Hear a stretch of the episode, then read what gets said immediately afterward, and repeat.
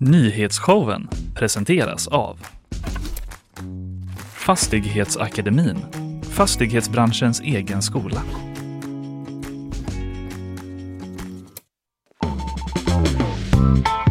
Jajamensan, det är nyhetsshowen live från GP-huset. Dina Lundström, god morgon. Jajamän, god morgon Kalle Berg. Det var min eh, skidkommentatorimitation. Ja, Jajamensan! flög mig över huvudet. Jag var bara glad att du pratade hackigt. Ja, man måste ha en sån om man ska kommentera skidor i svensk TV. Vet jag det? Då vet alla det. Idag ska vi prata om eh, Nobelpriset i fysik, Ja. svenskglädjen, vad Lundaglädjen. Ja. Anne Lullier, en av tre vinnare, svensk-fransyskan alltså. Så ska jag snacka lite också om regeringens kameraoffensiv med hjälp av AI. Intressant. Ja, Ja, faktiskt. Jag kommer prata om maktbarometern som kom igår där man alltså kartlägger vilka är egentligen mäktigast på sociala medier. Just det, och så får vi gäst är Johan Bengtsson Palme. Han ska snacka om antibiotikaresistens, eh, det här bubblande hotet mot mänskligheten som forskarna jobbar på att lösa. Han forskar själv om antibiotika, eh, antibiotikaresistens eh, på eh, Chalmers här i stan.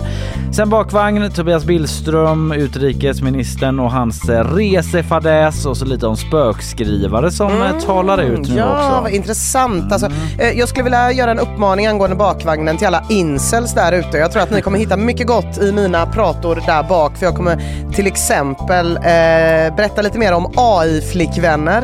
En jätte, jättegammal mogsynt i Indien och brädspelsnyheter som är på gång. Så vässa Ja. öronen allihopa. Bingo Bingo. incel-bingo. Eh, ropar ut eh, där. Undrar om vi har många incels bland lyssnarna. Det får vi se. Vi kommer ha. Vi kommer ha. Eh, hur, hur mår du annars då? Annars mår jag eh, bra. Mm. bra. Utmärkt. Jag har varit sjuk i eh, ganska många dagar. Eh, är nu energifylld och redo. Mm. Det är ju väldigt tråkigt att bli sjuk. Jag har ju också börjat styrketräna lite och då känner man ju direkt va. Man börjar ju väldigt snabbt, eller man, jag Mm. börjar väldigt snabbt ändå se på saker jag gör som att jag är en professionell. Ah. Oavsett om det är typ brädspel eller lyfta en hantel. Ja. Så börjar man direkt så här, ja men jävla bra formkurva har jag nu Ja, alltså. mm. Jävligt bra. Satte PB liksom på marklyftet, bara så bra. Och sen så ja, är man snuvig några dagar. Ja, Så eh, ham- hamnar man ju utanför allt det där. Det är tråkigt. Man får ont i ländryggen, man ligger och gamer i sängen hela dagen. ja. Trist. Ja, men nu, nu är jag bättre. ja, men vad skönt att höra. Han Hur är det med dig? Nej, men jag vill också börja småträna. Det är någonting med hösten att den kommer Du och då försöker man det. ta, ta tag i sig själv på något Ja, sätt. men det är bra. Din rygg behöver verkligen det, Kalle. Ja, du, den behöver sannoliken det. Men än så länge så är det liksom, ja, jag vet inte om det är liksom fortfarande ryggont eller om det bara är träningsverk. Jag Nej. vet inte om resan är åt rätt håll eller åt fel håll. Jag men tror jag, det- jag tror rätt håll. Ja, jag tror också men, det. eh, Vi chansar på det. Nackdelen är ju att när jag börjar träna börjar jag ju unna mig i andra ändan också. Ja. Motiverar unnet för Gott. att jag har tränat. Ja. Mm. Eftersom att du eh, har så himla konstig matsmak så vill jag ändå veta vad är ditt unn? typ pizza. Ah, okej. ja, Ah, ja. Det är Mm. väl ungefär där. Och olika typer av snacks.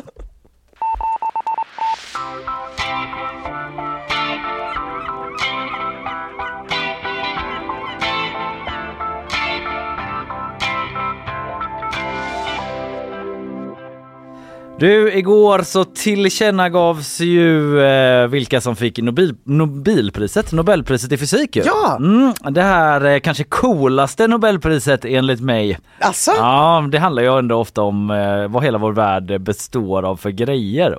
Typ. Jo, det är sant. Det är I sina sant. minsta beståndsdelar. Ja, det är sant. Och dessutom rymden såklart. Ja, rymden. Därav rymden. The coolest of Nobel prizes. Very cool. Vilka tror du har fått ligga mest? De som har vunnit Nobelpriset i litteratur eller de som har vunnit i fysik? Alltså de borde, fysikerna, ligga i topp där. Men jag tror tyvärr inte de gör det. Nej. Men de har inte tid heller. Nej, de har alltså inte du kan ju tid. skriva en Nej. roman med vänsterhanden och Ja, liksom ja, ja, gå och gud, supa ja. ner dig. Ja. Du kan inte stå full vid webbteleskopet och spana ut. Hur skulle Nej, det se nej, ut? fy fan. Vad är det för rön vi hade fått då? Med kepsen bak och Ja, fram. eller en sån superkänslig laser liksom och stå där och samtidigt liksom lägga armen om en vacker Jag behöver dricka lite kvinna vin så jag får inspiration. ja precis.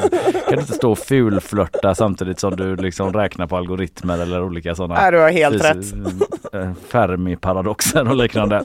Nej, eh, det kan man inte och det gör ju heller inte forskarna Pierre Agostini, Ferenc Kraus och svensk-franske Anne Lullier då som fick det här priset. För experimentella metoder som genererar attosekundspulser av ljus för studier av elektrondynamik i materien.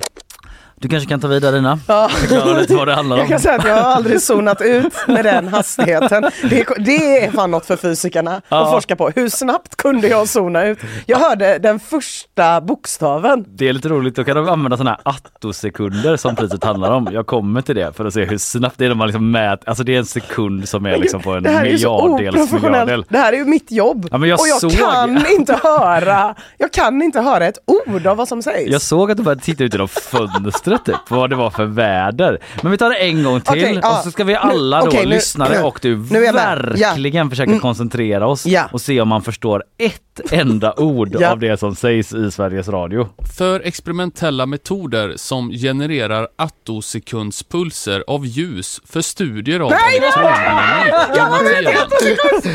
Ja, det är ju det. Alltså jag känner att man är med tills eh, de säger ungefär experimentella metoder. Men sen börjar, börjar det liksom... Jag byggde eh, upp så små stenar i mitt huvud där jag Ja. liksom var med. Men sen nej, nej. Ja, men sen eh, liksom det är som en bilolycka typ efter, det Ja, experiment, ja. ex- efter experimentella metoder. Man vet inte vad som händer sista gången. Häng med Okej, nu ja. om någon klarar sig förbi efter experimentella metoder. För experimentella metoder som genererar attosekundspulser av ljus för studier av elektrondynamik Nej. i materien. Nej. Alltså, jag skulle ändå vilja säga att jag är med till sekunderna. Mm, Att jag ändå är så här, det är det man har hittat. ja, det, Och sen är jag borta. Det handlar om attosekundsteknik helt enkelt. Och det betyder att man tagit fram en laser som gör det möjligt att se saker som går jätte, jätte, jätte, jätte, jätte, jättefort. Okej. Och eh, vilket i sin tur gör att man kan studera elektroner inuti atomer. Okej, okej. Har du hört? Ja Vad men sjukt. typ. Ja, typ Nej, men att du har Ja, hört. nej, jag har hört. Jag förstår typ. Ja, men jag ska förklara Mm. ännu mer. Vi kan lyssna på Christian Ohm. Han är forskare i experimentell partikelfysik på KTH. Eh, när han förklarar, eh, han tar till en liknelse då när han var med i SVT. Han liknar det vid en slags kamera. Jag skulle väl kanske säga att det är som att vi har en kamera med en otroligt kort slutartid. Mm. Eh, Om man vill fota sporthändelser till exempel så, så vill man ha väldigt kort slutartid tid när någonting rör sig fort. Då. Mm. Och det är samma sak här, inuti atomen så rör sig saker med en fantastisk hastighet Mm. och väldigt små avstånd. Och då har vi möjlighet att kunna studera det här genom så korta laserpulser. Tack som fan Christer. Ja, Christian, men Christian. absolut. Ja. Ohm, ja. Ohm, ja. Det var ändå en bra bild, eller hur? Jättebra bild. För det handlar liksom om att man ska kunna studera då det som sker inuti atomer, till exempel elektroners rörelse då. Mm. Ja. Och det går så jävla fort. Det studsar och hålls på där inne kan jag tänka mig. Det gör det. Eh, det är exakt vad det gör. Eh, och nu eh, genom den här, eh, de här snabba, snabba laserimpulserna så blir det som någon slags kamera då kan man säga Ja. i lekmannatermer. För att kunna studera hur de rör sig och beter sig. de Just här det. elektronerna. Och det är ju Och liksom, med den informationen Ja, vi kommer till det också, tack. vad man kan göra med det. Men alltså tänk dig då att vi liksom närmar oss att kunna studera universums minsta beståndsdelar i princip. Just Alltså det. de här elektronerna. Just det, det. finns kanske en kvarka och grejer som är ännu mindre. Men liksom, att man är nere på den nivån, det tycker jag ändå är ganska mindblowing. Det är det. På riktigt. Och även om jag inte förstår exakt vad det innebär, eh, vad vi gör med det och sådär, så är det ändå liksom någon slags ny förståelse för hur allt hänger ihop. som man kan börja närma sig liksom. Mm, Ja. När man ser hur eh, saker inuti atomer beter sig. Eh, och någonstans är ju det målet för hela fysiken. Hur fan hänger allt ihop? Ja. Det är ju det man vill ha reda på. Mina ord liksom. Ja. Inte någon fysikers hur fan hänger allt ihop. Men det är ändå det ungefär. Och då är det alltså de här attosekunder. Vi upprepar det ordet. Attosekunder. Attosekunder. Lägger det på minnet. Hur kort är det egentligen? För det är det, alltså man, Ja, man studerar då attosekunder, liksom hur eh, de här rör sig på en attosekundsnivå. jag, jag gissar att det är mycket mindre än en millisekund. Ja det är mycket, mycket, mycket, mycket mindre. Alltså så här, Eva Olsson, hon är en professor som var med när det var presskonferens Mm. eh, när eh, Nobelkommittén eh, presenterade det här och hon eh, liksom satte ut så här olika små flaggor för att illustrera hur många gånger man delade det på tusen. Ah. Alltså man tar en helt vanlig sekund, sen delar man det på tusen, sen delar man det på tusen och det på tusen och tusen. Så gjorde hon det fem, sex gånger, satte ut så fem, sex olika flaggor och sen då var man nere på, på hur snabbt en atom rör sig. Ja. Och sen skulle man dela det på tusen igen. Och då var man Var man nere. attosekunden? Då var man på attosekundsnivå. Okej. En miljarddels miljarddel av en sekund Ja. säger de. Ja, alltså det är så bra att det finns flaggor i de här lägena. Ja, Ah. de hon gjorde ett gott försök att vara Ja, pedagogisk jättebra. och det funkade rätt bra. Men en annan bild som jag nästan tyckte var ännu bättre bara för att liksom beskriva relationen till en sekund, alltså relationen mellan en vanlig sekund och en Ja. attosekund. Det är som de hade vid det här tillkännagivandet då. Det är att en attosekund förhåller sig till en sekund precis som en vanlig sekund förhåller sig till hela universums ålder. Okej. Det var liksom Ja. attosekunden i ena änden av spektrat, sekunden i mitten och sen Och hela universums universums. ålder. Ja. Okej, Det- väldigt bra förklarat. Ja, man, det, man förstår hur svindlande det är. Mind-boggling. Verkligen. Okej, så till frågan nu då eh, som alltid ställs till fysiker och som du ställer tidigt. Det är liksom när alla journalister till slut inte orkar lyssna mer och bara vad ska vi ha det till då? Vad ska man göra med det här? Så här frågade SVT. Förutom att mänskligheten blir klokare, går det att använda till någonting som du ser framför dig? Ja, Ja. började Ulf. Men också så, men det är ingen idé jag försöker förklara för dig, dumma, dumma Ekot-reporter. För du kommer ändå inte fatta någonting. Ja, det låg kanske i det mjat från Ulf Och Danielsson det då. förstår man ju att de tycker. De har ju sagt säkert flera gånger, forskarna, Mm. till olika reportrar. Typ, ja ah, men det här ska vi göra. Och så skriver de typ, man kan bli smal och veterlängd. Ja men det är också typ att de alltid får den här frågan att det aldrig får räcka med att Nej. det är stor vetenskaplig upptäckt Nej. för grundforskningen typ. Men att i alla fall eh, eh, vi kan lyssna på vad han säger Ulf Danielsson då. Eh, det är lite långt men det måste få vara det. när vi Ja, pratar ja, ja, om, och jag är eh, fan med nu. Extremt avancerad eh, fysik. Ja, alltså all den här typen av teknik, när man lär sig att mäta någonting mycket bättre än tidigare, leder ofta till också nya upptäckter. Och just i det här fallet så får man ju möjlighet att studera materials egenskaper på en helt annan mikroskopisk nivå än tidigare. Vilket också kan ge ledtrådar till kanske hur man kan skapa nya typer av material. Det är också så att det här kan användas kanske till någon form av diagnostik också, att, kanske inom medicinsk forskning eller någonting annat. Men det viktiga med det här det är att det är ett nytt verktyg, en ny teknik som vi kan använda till saker som vi kanske inte ens kan föreställa oss än. Ja, som journalist översätter jag alltså det till att man kommer i princip kunna bota cancer. För det är bara att kolla på hur cancerelektronerna rör sig och så vet man hur det ser ut. Eh, och två, att man kommer kunna alltså bygga människor nu när man håller koll på hur snabbt de här rör sig. Så vet man hur bygger man kött? Ja, det är bara att göra samma elektroner. Jättebra! Ja, men jag eh, ser så teleportering framför Ja, mig. ja, ja, ja, teleportering och tre rubbar att dra på. Ja, det är inte det Ulf Danielsson säger, men att man kan liksom börja titta på material i sina minsta beståndsdelar och då kan man kanske manipulera man- material och göra Ja. andra grejer av det och så vidare. Men också då att det är saker vi inte ens kan föreställa oss här och nu. Det, eh, alla förstår ju att han av. pratar om teleportering Ja, ja, det är ju det jag läser in mellan de där berömda raderna. Ja, ja i alla fall då medicinska diagnoser, jag behöver inte gå in på det, men med sån här liksom mikroskop eh, upphöjt till en miljard Ja. teknik så, så kan man säkert ställa medicinska diagnoser på något sätt. Det kan man väl ändå föreställa sig på något sätt. I alla fall eh, ett överfett förstoringsglas eller kamera då snarare är vad som prisas och det är de här forskarna, alltså franske Pierre Agostini, ungersk, uh, ungrar-österrikaren Ferenc Krauss och svensk-franska Anne Lullier då, eh, den svensk-franske forskaren som eh, vi ska återkomma till alldeles strax. Men den här ungraren Ferenc Krauss, han sa så här om när han fick eh, samtalet från Nobelgänget. Well, I just uh, was not sure whether I'm dreaming or whether it's reality. So it's, uh, it's still it's still a question that I have to clarify with myself.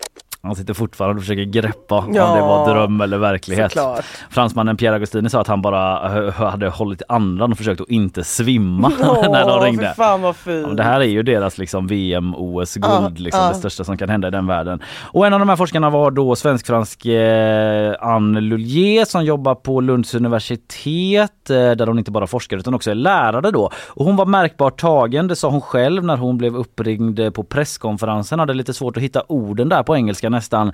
Men sen blev hon intervjuad av P4 Malmöhus. Det var helt fantastiskt. Alltså, det är verkligen en, en chock. Jätteroligt. Jag, jag, som sagt, jag, har inte, jag är fortfarande uppe i varv. Fortfarande uppe i varv. fina. Men hon höll ändå sin cool ganska bra när hon blev uppringd och fick själva beskedet. Jag, jag var egentligen mitt i en föreläsning, men eh, under pausen svarade jag på telefon och då fick jag veta att jag hade fått Nobelpriset. Sen, eh, gick jag tillbaka till min föreläsning och uh, gjorde föreläsningen lite kortare. Och, um, och sen, ja. Men studenterna tror jag gissade och de var superglada. Det var jätteroligt. Ja, fint ändå. Och en som var eh, med på den här lektionen som student då är Aron Allen som pluggar teknisk fysik vid Lunds universitet. God morgon Aron, du är med oss på telefon. God morgon. Hej Aron! Hallå. Gud vad trevligt. Du, eh, hade du listat ut när hon kom tillbaka från pausen, Ann, där, eh, vad, vad som hade skett? Det första som hände var att eh, när hon klev in i salen så blev det helt knäpptyst. Ah. Hon, hon var några minuter sen också så vi satt ju där och tisslade och tasslade och pratade om det i bänkraderna och funderade på vad, vad som kan ha hänt. Ehm, för att vi visste också att eh, de hade blivit uppringda då eh, strax innan elva ungefär. Mm. Eh, så eh, vi var ju jättespända men eh, hon bekräftade ingenting. Hon, hon sa bara att eh, vi kommer behöva avsluta föreläsningen lite tidigare. Kunde du, Hon har en grej. kunde du sen- avläsa någonting av hur hon betedde sig liksom? Var hon annorlunda? Ja, men det var hon väl. Hon var lite pirrig och glad. Eh, men eh, hon var väldigt noga med att så här, ja, ni får spekulera hur mycket ni vill men eh, jag säger ingenting. Och sen så fortsatte vi med vår föreläsning. Men jag tror man kände ändå på sig att så här, ja, det, det blev så. Hur var det att koncentrera sig på resten av föreläsningen då? Gick det? det, det var jättesvårt. Men, men det är klart, alltså, jag fattar inte hur hon lyckades koncentrera sig överhuvudtaget på, på undervisningen. Liksom. Det, Du måste ju säga något om henne som person tänker jag. Eh, att hon ändå inte springer närmsta vägen till krogen liksom och öppnar en flaska champagne utan går in. Ja. Eller åtminstone går in, håller föreläsningen men först bara säger Vet ni allihopa? Vet ni vad som precis Ja, hände? Exakt. Mm. Nej, vad, ja, vad Eller är det i linje med, med hur hon brukar vara tycker du? Jag har inte haft henne supermycket men det intrycket jag fått eh, som har förstärkts ytterligare nu då efter eh, Nobelpriset är att hon verkar otroligt ödmjuk eh, och väldigt, väldigt tacksam eh, för allting kring hennes eh, forskning. Mm. Men jag blir nyfiken på det här att ni ändå visste lite innan. Alltså hur stor eh, snackis är det bland er studenter när ett sånt här Nobelpris ska eh, tillkännages? Det är väl inte vanligtvis jättemycket snack Nej, utan okej. de alltså, par senaste åren så har det varit en del snack om just fysikpriset för att det har varit lite snack om just Ann och att hon, hon är ju ändå forskare vid Lunds universitet. Ah, ja. Ehm, så att det har tisslat och tasslats lite i ett par år om det. Eh, och förra året så vann hon eh, Wolfpriset, vilket är ett stort fysikpris också. Mm. Så Men att hon har ju ändå varit på gång liksom. Just det, men tog hon liksom med det i början av lektionen och så här, det kan vara så att jag måste gå ut och ta ett samtal här. För jag menar alla visste ju att det skulle kunna ske. Eh, nej, det var ingenting hon eh, berörde. Hon hade mobiltelefonen i, i ryggsäcken hela första halvan av föreläsningen. Tog mobilsamtalet eh, i pausen och sen så stängde hon av mobilen till andra halvan av föreläsningen. Det är den människan man vill vara men det är inte den man är. Nej, eller hur? Man hade lagt ut det på Instagram direkt. Typ. ja, men sen då? Eh, Den lektionen var slut och eh, då visste ni ju ändå inte säkert att hon hade eh, tilldelats priset. Men när hon gick därifrån, vad gjorde ni resten av klassen liksom när lektionen var slut? Typ? Ja, exakt. Vi avslutade ju 20 minuter tidigt ungefär. Eh, så eh, då sprang hon iväg och sen så satte vi på pressträffen på storbild i föreläsningssalen. Och sen så trillade in lite fler personer som också ville vara där och se tillkännagivandet. Och eh, sen när eh, hennes ansikte kom upp på, eh, på pressträffen så var det som att hela salen exploderade i stående ovationer och jubelrop. Liksom. Det var jättehäftigt Ja faktiskt. men gud vad fint! Ja, det är en härlig bild alltså. Också så att det ändå har varit snack i några år eh, där på Lunds universitet då. Liksom att, eh, ja, det, jag tycker det känns som när någon går upp i allsvenskan. Ja. Nej, okej, okej, förlåt, det lät ju helt sjukt. Det här är naturligtvis jättemycket större. För jag försökte bara relatera Ja, till någon. Vinna alltså. Ska jag nej men att sitta i ett tag och verkligen hålla på någon och sen så till slut när det kän- tillkännages, det måste varit en helt otrolig känsla. Ja, verkligen. Men du, eh, hur fortsätter det då? Har liksom eh, alla varit ute och festat ikväll liksom? Eller är det att det är en dag imorgon, alltså idag också, om man ska liksom studera ännu mer teoretisk fysik? Eh, Jag, jag tror inte studenterna har festat ut det här än men det var väldigt munter och glad stämning på, på campus igår och på just fysiska institutionen så tror jag inte de fick jättemycket gjort igår eftermiddag. Nej. Kommer du ha en, någon mer lektion här i veckan eller så? Liksom, vad, vad, vad, vad, vad, hur kommer det kännas tror du? Vad kommer du Eh, säga? Ja, vi, som jag har förstått det så ska vi fortsätta med föreläsningarna som planerat. Ja. Eh, Så jag har föreläsning med henne idag redan men eh, vi får se hur det går med det. Jag har full förståelse för att hon kanske har viktigare saker för mig men Ja. det sista hon sa var att ja, vi ses imorgon på föreläsningen. Ah, fan vad stort. Ja, men Ja, du, det är fint. tusen tack alltså eh, Aron eh, Allen som pluggar teknisk fysik då på Lunds universitet. Alltså satt i klassrummet eh, när Ann Otroligt. eh, Lulje kom tillbaks efter det här Nobelprisbeskedet. Tusen tack Aron. Tack Ha så mycket, ha det fint. Tack Tack för att du fick ringa dig. Tack. Ja Ina, det var det om Nobelpriset i fysik. Vilken Det solskenshistoria. får man verkligen säga. Ja, vad mycket mer man förstår den mänskliga aspekten av det än den fysiska. Ja.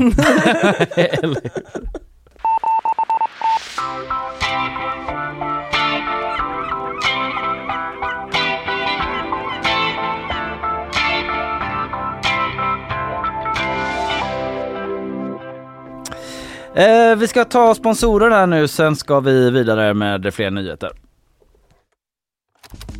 Nyhetsshowen presenteras av Fastighetsakademin, fastighetsbranschens egen skola.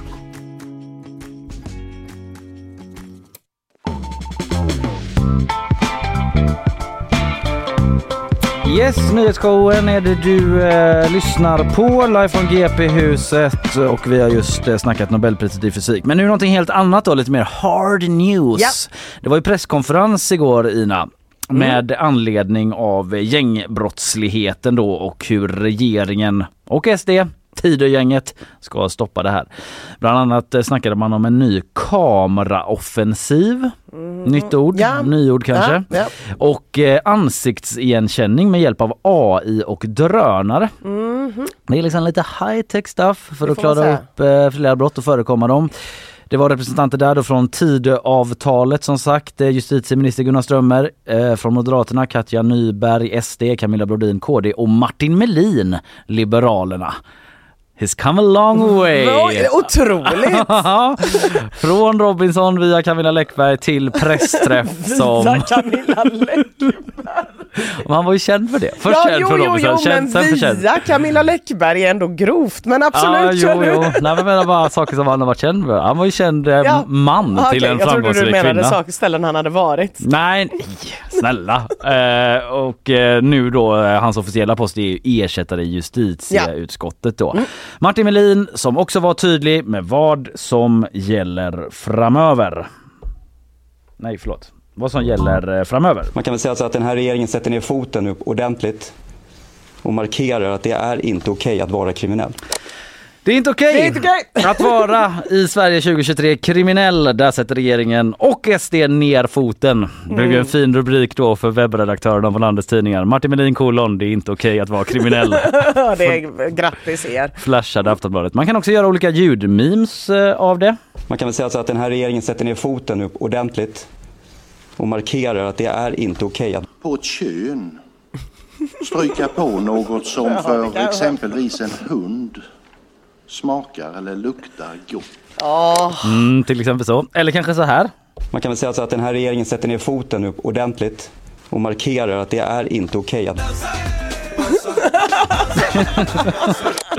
Ja, jag vet inte. Det är stopp och dansa pausa nu. Det är inte okej. nej. Likt att vara kriminell Man så måste bara dansa, dansa. Ja, eller precis. pausa, pausa. Ni måste bestämma er! Ja, men det är lite som att eh, vara kriminell, att det har väl varit icke okej sedan dag ett i och för sig. Det känns så. Eller varför har annars Martin Melin gjort som polis i alla dessa år? Ja. Ja, ja, nog med trams eh, för nu. Skämt åsido så säger Martin Melin att eh, det här är en av de mest offensiva omläggningarna som han någonsin har sett i, inom svensk eh, brottsbekämpning då, alltså det här med kameran och så vidare. Gunnar Strömmer, justitieministern, han säger att man ska göra en femdubbling av antalet kameror i Sverige och att det ska snabbutredas. 2500 ka- kameror ska polisen ha nästa år istället för målet som var på 1600 tidigare. Ja. Man har skalat upp med 900 kameror. I ett läge, han säger så här eh, Gunnar Strömmer, i ett läge när allt färre vågar prata med polisen är behovet av teknisk bevisning helt avgörande och då vet vi sedan tidigare att kameror är oerhört centrala säger han till SVT då. Så fler kameror blir det och eh, det är också något som undersökningar och rapportering har visat att folk som bor i utsatta områden då är eh, ofta positiva till det här. Ja, med ja. övervakning i form av kameror. För det liksom ökar tryggheten och hjälper till med brottsförebyggandet och så.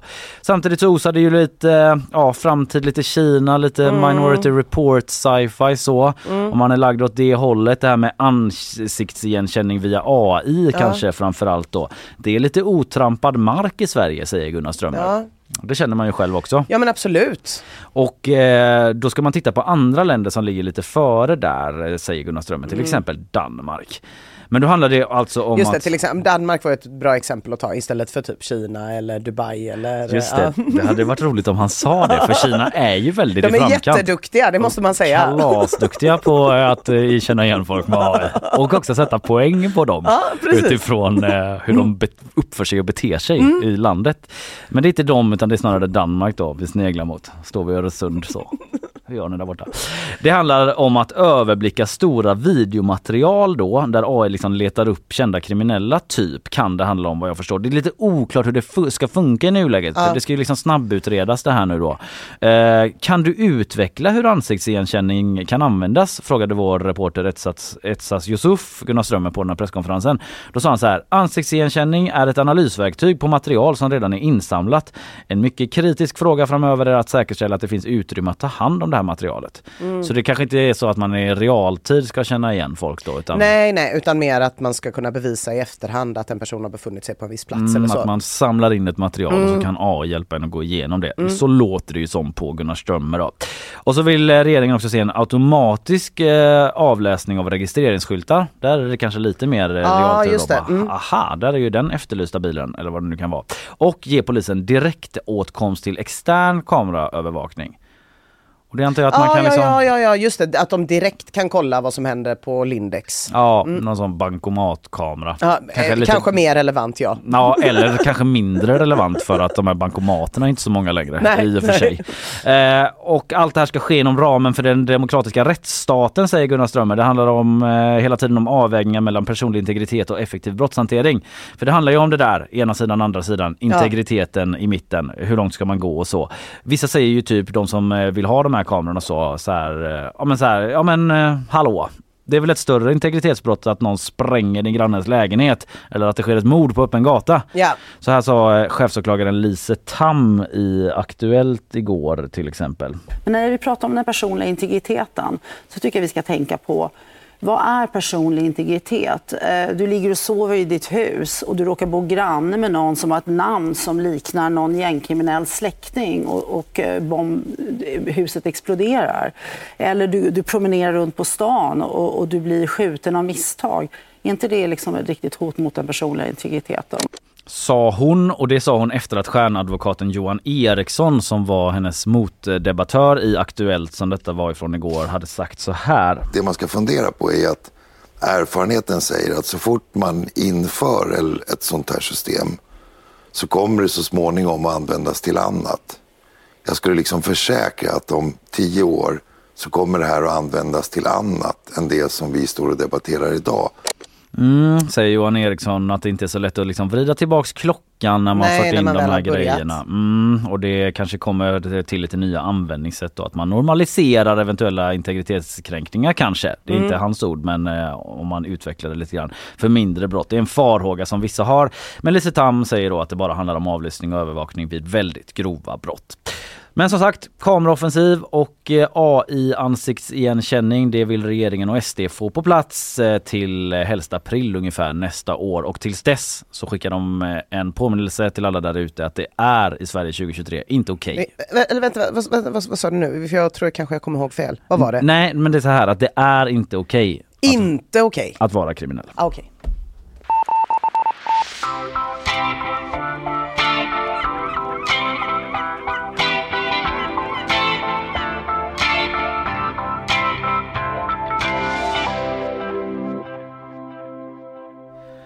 Då ska vi välkomna fram Isabella Persson Ja. till mikrofonen och eh, välkomna dig hem. Du har varit på en eh, välförtjänt eh, semester någon vecka här ungefär. Tack så mycket. Härligt att ha dig tillbaka. Ja, kul att vara här. Ja, underbart.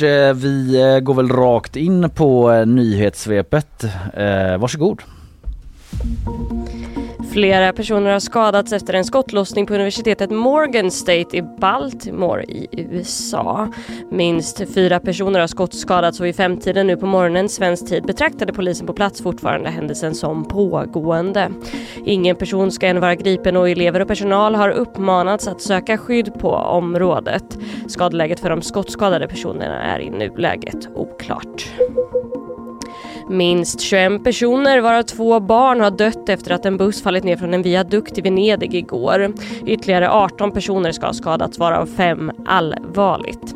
Bussen ska ha transporterat turister från en camping när den av oklar anledning föll ner 10 meter, träffade elledningar och fattade eld.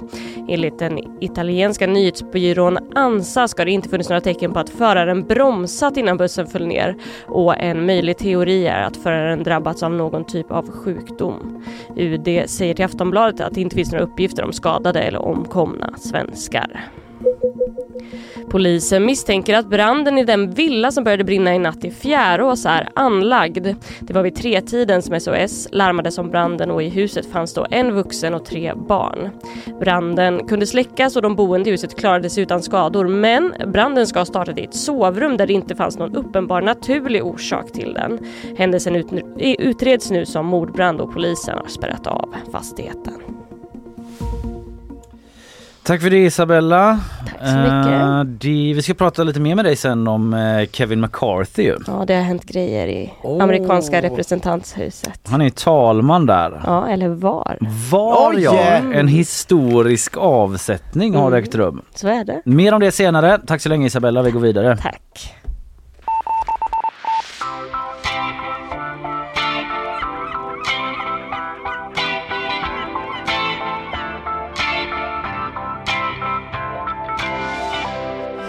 Ja du Kalle Berg, Maktbarometern har kommit. Ja. Det är Medieakademin då med Emanuel Karlsten i spetsen som har tagit reda på vilka som egentligen har mest makt på svenska interwebs just nu.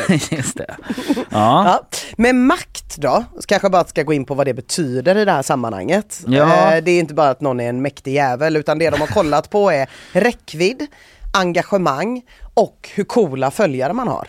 Hur coola följare Ja men man har. typ, alltså så här, man har kollat på, vi säger att jag har en massa följare, kanske lika många följare som dig, men alla mina följare är typ hårfrisörskor i Bollebygd som har 65 följare var. Mm. Då är jag mindre, då har jag mindre genomslag på internet än om du har också lika många följare, men alla dina följare är typ Bianca Ingrosso och hennes släktingar. Ja. Då har du fler. Hela medie eller tv-eliten med Exakt, ord. så det är lite hur coola ens följare är. Det visar hur mycket makt man har. Så hur ser det ut där ute? Det de har kollat på det är då Twitter, Youtube, Facebook, TikTok och Instagram. Mm. Och jag vill bara börja med att säga att de här plattformarna de skiljer sig väldigt, väldigt mycket åt. Mm. Det, det vet man ju kanske och det står också svart på vitt i maktbarometern. Nu blir det väldigt grovhugget här, men Ja. det måste det bli. Ja. Jag sammanfattar det så här. Instagram, det är för tjejer.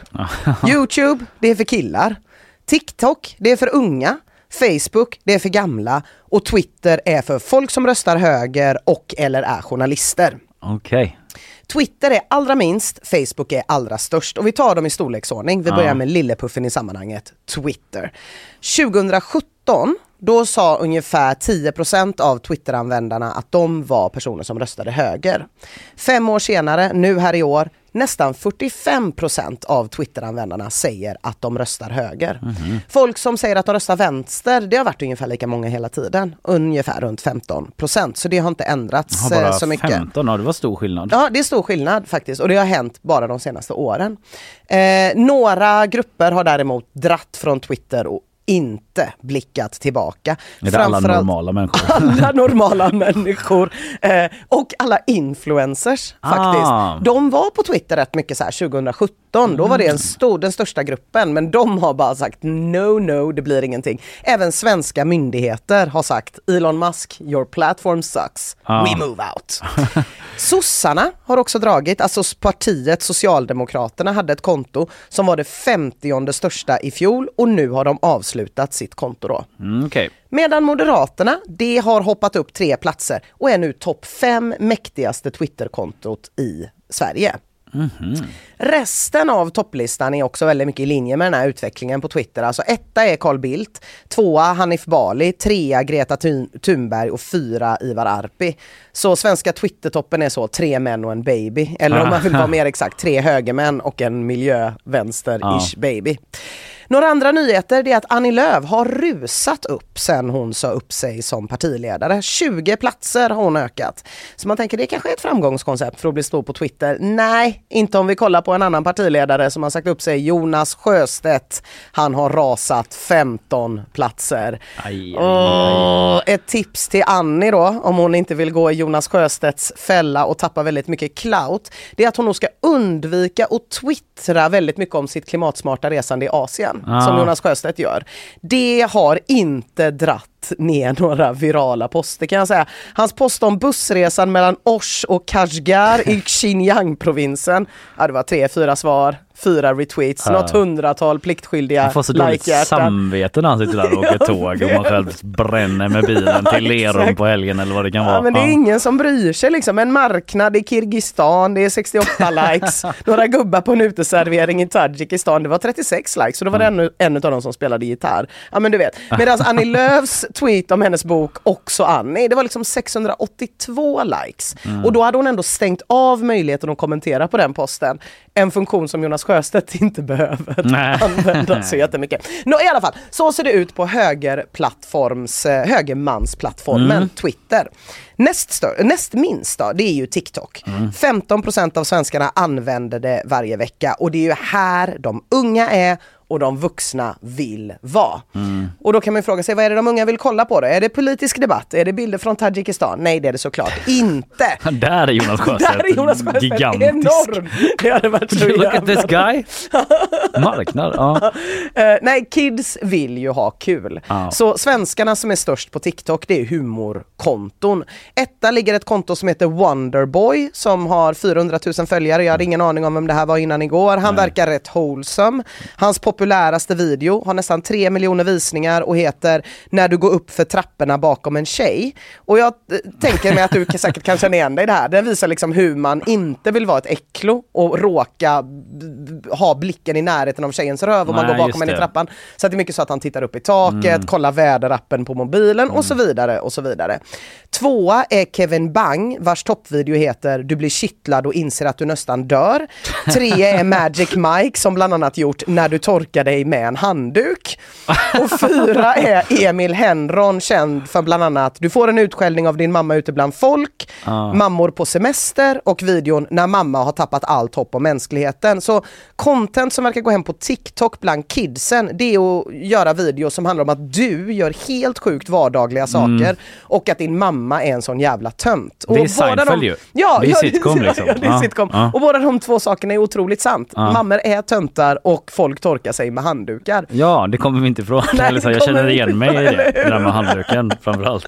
Men det är väldigt roligt att på plats fem och sex Ja. så har det kommit in två gamla stofila dinosaurier mitt i barnens roliga timme. Mm. Och det är Aftonbladet och Expressen Mhm. som båda har ökat rejält sen i fjol. Och då kanske någon här inne i GP-huset undrar, vad är deras hemliga vapen? Mm. Hur når man ungarna på TikTok? Har man kepsen bak och fram? Nej, nej, nej, nej, nej. Aftonbladet har i år till exempel postat videorna när du kommer från Norge och hånskrattar åt svenskar och när du åkte ut från Mello men din bästis ändå hypar dig. Så man fattar ju vad de försöker göra här. De försöker Mm. använda det där du-tilltalet men de här vardagliga situationerna kanske inte riktigt är lika relaterbara som att man torkar sig med en handduk. när du åkte ut från Mello med din bästis ändå hypar. Du vet Ah, hur det känns. Du vet hur det känns. Ja, lite skohornade meme-formaten då. Lite Mm. så. Expressen har i jag år... Expressen har i år postat hon mördade sin son med vegankost, mamma häktad och mamma får inte döpa sin son till Putin. Så TikTok-framgångar, det handlar om att bärsa på rötna morsor och göra helt vardagliga saker. Mm. Så kan man göra om man vill bli större och med det tipset går vi vidare till jättarna. De stora plattformarna som över hälften av svenskarna använder varje vecka. Mm. På 55% har vi Instagram. Tjejplattformen kan man säga. Mm, det är så. Eller 15% mer kvinnor än män använder Mm. den här plattformen. Och vad gillar tjejer att titta på då? Jo, det vet ju du Kalle. De gillar att kolla på killar. Ja. Och mer specifikt, blonda Nej, killar! nej, Jo, blonda killar. Blonda killar! Lukas Simonsson är etta, Joakim Lundell är tvåa, Carl Deman är trea och Claes Eriksson är fyra. Allihopa blonda. Och det här är en väldigt stark kontrast såg jag i Barometern till TikToks topplista. Där blonda killar med ariskt ursprung lyser med sin frånvaro på topplistan. Mhm. Det är en jätteskillnad mellan de här två plattformarna faktiskt. Kollar man på Instagram lite längre ner på topp 25, då är det, alltså det är så vitt så det är helt sjukt. Det är Therese Lindgren, Johanna Nordström, Molly Sandén. Finns det ingen mångfald undrar du? Jo då, den står plats 11 och plats 15 Ah. för Benjamin och Bianca Ingrosso. Ah, Och i år har faktiskt Instagram-toppen blivit mer diverse än någonsin eftersom en utlandsfödd kvinna har kommit från ingenstans och fått över 320 000 följare bara i år. Kommit direkt in på plats 12 på Instagram. Och mångfaldighetshoppet då på Sveriges rasrenaste sociala medier. Det är Markoolios mamma Irma ah, som gjort succé i år med bland annat låten Bävling som jag misstänker att du som har småbarn har fått höra en del. Nej, faktiskt inte. Är hon sån Grattis. eh, finsk lön för... Eh, det är en låt som går så här, bävling, dit, dit, dit, Mm, dit, som barnen tycker är superkul. Men jag försökte någon ordvits med att hon är från Finland och att hon är så finsfluencer. Ah, det var det. Förlåt! Tack för att jag, tack för mig. Jag stannade hela morgonen. Kalle, Fortsätt vad bra finsfluencer. ja men vi går väl vidare då till Sveriges näst största plattform, Youtube. Mm. Och den här är ganska speciell eftersom olika grupper använder Youtube på väldigt olika sätt. Mm. Unga kollar väldigt mycket roliga klipp och gamla jobbar väldigt mycket med att lära sig saker genom att gå in på Youtube. Vad, vad är din liksom, startsida? Eh, vad brukar du kolla? Bloopers. Bloopers! Det är alltid Det är bloopers. Jag älskar bloopers. Ja. Det är roligare än originalserierna liksom. Ja, Mm. ja, ja, bloopers, ja just det, det är det som är bloopers. Ja. Mm. Det, alltså det får du upp, det ligger du och tar en timme på Ja, kvällen. jag har återigen sett om alla bloopers från amerikanska The Office. Okej. Legat själv och skrattat, eh, skrattat Varför har jag inte sett dem? Du, låt oss, eh, kom bort till min dator Ja, efter. det så ska jag göra. visa dig. Ta dig Absolut. med Eh, Jag kommer absolut börja kolla på det. Men Är annars... det en lista till våran eh, nyhetsshow Insta? Jag tror Kalle Bergs det. bästa blooper reels. Snälla, jag vill så listan. gärna se det. Ja. Jag är så jävla taggad. Men jag jobbar väldigt mycket enligt den här principen att jag liksom vill lära mig saker på Mm, Youtube. Det mm. låter ju fint men oftast handlar det om att typ lära sig lägga en ögonskugga eller reglerna till ett nytt avancerat brädspel. Det. Eh, Men de unga kollar mer än vad de äldre gör. Så att de största kontona på svenska Youtube det är LULS-konton. Mm. Det är I just wanna be cool som är etta. Det är familjen Lundell som är tvåa. Det är Sampe V2 som jag inte visste vem det var Nej, men som hade en jättestor video där han äter, han är trea då, den äter 30 000 kalorier på en dag. Eh, och sen på fjärde plats har vi någon som jag inte heller visste vem det var, Emil Hansius. Han jobbar mycket med sådana här reaktionsvideor. Mhm. Reagerar på en rolig TikTok. Den Mm. typen utav grejer. Eh, och sen skulle jag ändå vilja säga att unga också lär sig saker på Youtube. För det finns något så här lite konstigt pedagogiskt över den här plattformen som Mm. inte finns på så många andra ställen. Det är typ så här rankar amerikanska chipssmaker, testar godis från Tadzjikistan. Ja. Inte just det, men om Jonas Sjöstedt vill ha en in så skulle det kunna vara en grej. Youtube växer i alla fall i väldigt många åldersgrupper men vissa kanaler har det gått sämre för. Margot Dietz. Ah, nej. Mm, ramlat Stackars henne. 163 platser sen i fjol. Eh, antagligen eller kanske bero, baserat på lite olika skandaler som har varit kring henne. Framförallt det här när hon filmade en person i hennes trappuppgång. Ja. Eh, men det är faktiskt inte årets stora kalkon på Youtube utan det är Pontus Rasmusson. Mm. Mm, vet du något om detta? Ja, han lite hade, grann, typ. ja, han hade ju, eh, I fjol var han det 12 största kontot, 75 största kontot på svenska Youtube. Sen så eh, uppdagades det att på hans webbshop så sålde han stringtrosor till sin unga publik det stod I love Pontus på. T-shirts med texten I wanna break your bed, not your heart. Och postade en video som heter Om jag tar din oskuld lämnar jag dig aldrig. Detta ihop med att han då hade betalnummer som väldigt många barn ringde upp tusentals kronor för gjorde att Youtube kastade ut honom Mm, från plattformen.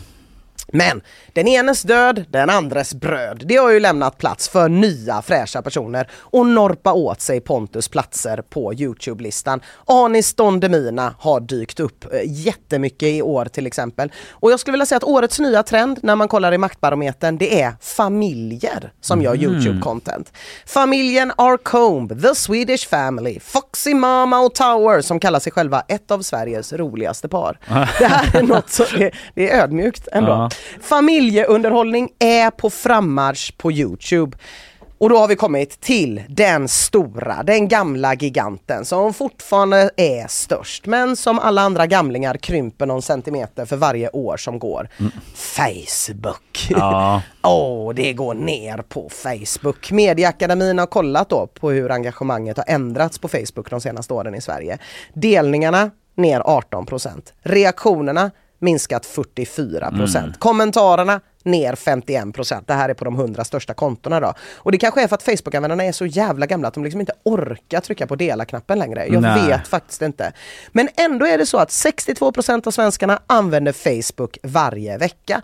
Och det här är ändå något jag tycker att man kanske inte tänker på att Facebook är alltså ändå sex gånger större än Twitter. Ja. Ändå har Twitter en så mycket större plats i samhällsdebatten. Mm, mm. Det är väldigt sällan man säger att en politiker skrev på Facebook jämfört med att någon har twittrat någonting. Nej, så att det visar ju verkligen hur olika de här plattformarna är. På Facebook är vi långt från maktens korridorer. Här är folket, eller Mm. det är vuxna folket. Mm. Men även bland det vuxna folkets Facebook så finns det nya uppkomlingar, coola killar on the block. Starkaste kometen på boomerhimlen, det är sidan skratta med Ja. taglinen Följ oss för en roligare vardag. Ja, det låter som Facebook för mig faktiskt. Eller hur? Ja. Profilbilden är en smiley som skrattar jättemycket. Ja. En typisk post, det är en bild med gul bakgrund och texten.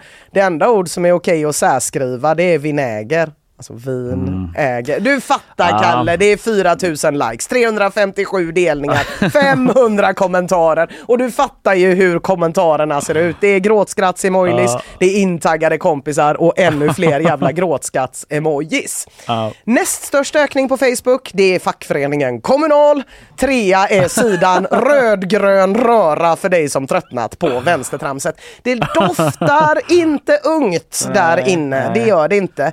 Eh, och allra, allra störst på Facebook, det är då Sverigedemokraterna. Mm. Tvåa är Newsner, trea The Typical Jag, fyra Magdalena Andersson och femma Kattjouren. Alltså jag måste avinstallera Facebook. Mm. Ja. Det här är så jag kanske måste ge mig gammalt. in mer med Jag mina finskfluencer-ordvitsar och sånt. Jag hade kunnat få några Du delningar. hade kunnat flyga där. Ja. Alltså för ungdomligast just nu på topp 10-listan, det är Jonas Gardell. Ah, som är okej. på sjätte plats. Och han har ökat starkt i år. Ja. Så att en god skilsmässa verkar kunna förstärka clouten. Ja, så vill jag inte långt att gå ännu. Nej, så inte än. nej. Vi får se.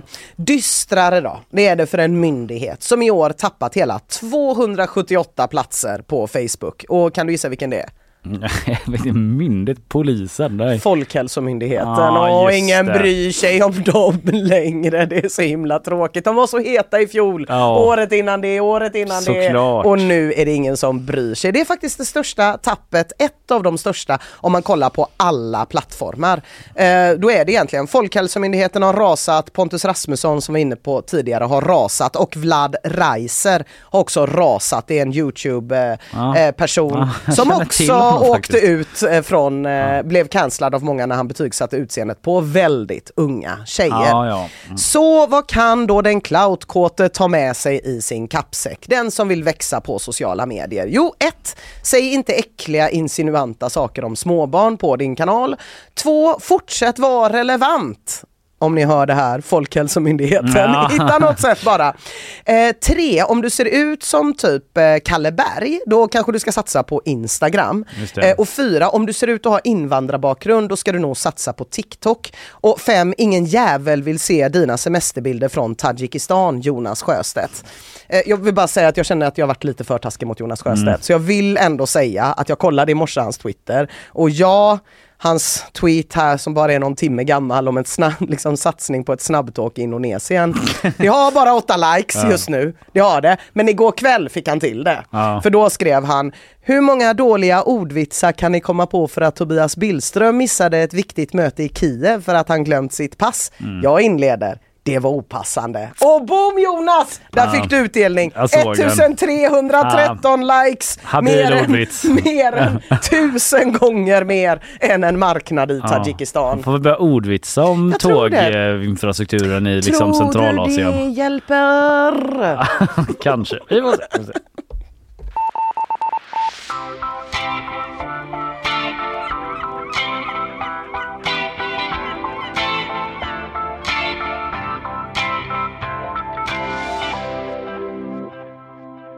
Ja, vi ska snacka antibiotikaresistens här om en liten stund. Åh, min största skräck. Ja, är det det?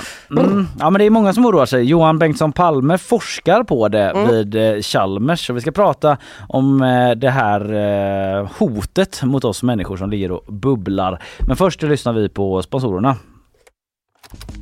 Nyhetsshowen presenteras av Fastighetsakademin, fastighetsbranschens egen skola.